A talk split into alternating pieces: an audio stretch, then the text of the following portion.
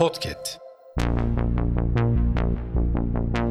Merhaba sayın dinleyenler. Hafızanın yeni bölümüyle karşınızdayız.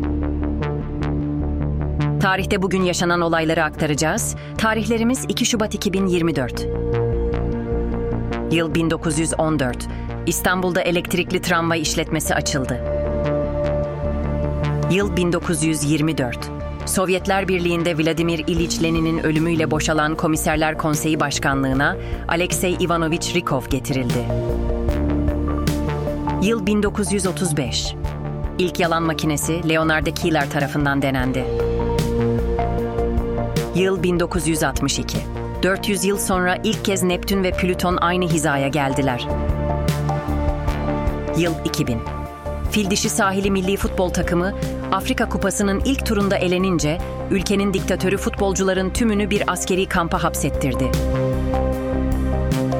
Yıl 2007. İtalyan futbolunun en üst basamağı olan Serie A'da Catania ile Palermo arasındaki Sicilya derbisinde çatışma çıktı. Polis memuru Filippo Raciti hayatını kaybetti. Bu olay İtalya'daki stadyum düzenlemelerinde büyük değişikliklere yol açtı. Hafızanın sonuna geldik. Yeni bölümde görüşmek dileğiyle.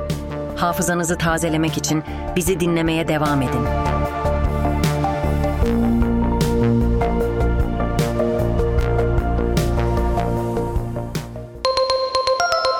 Podcast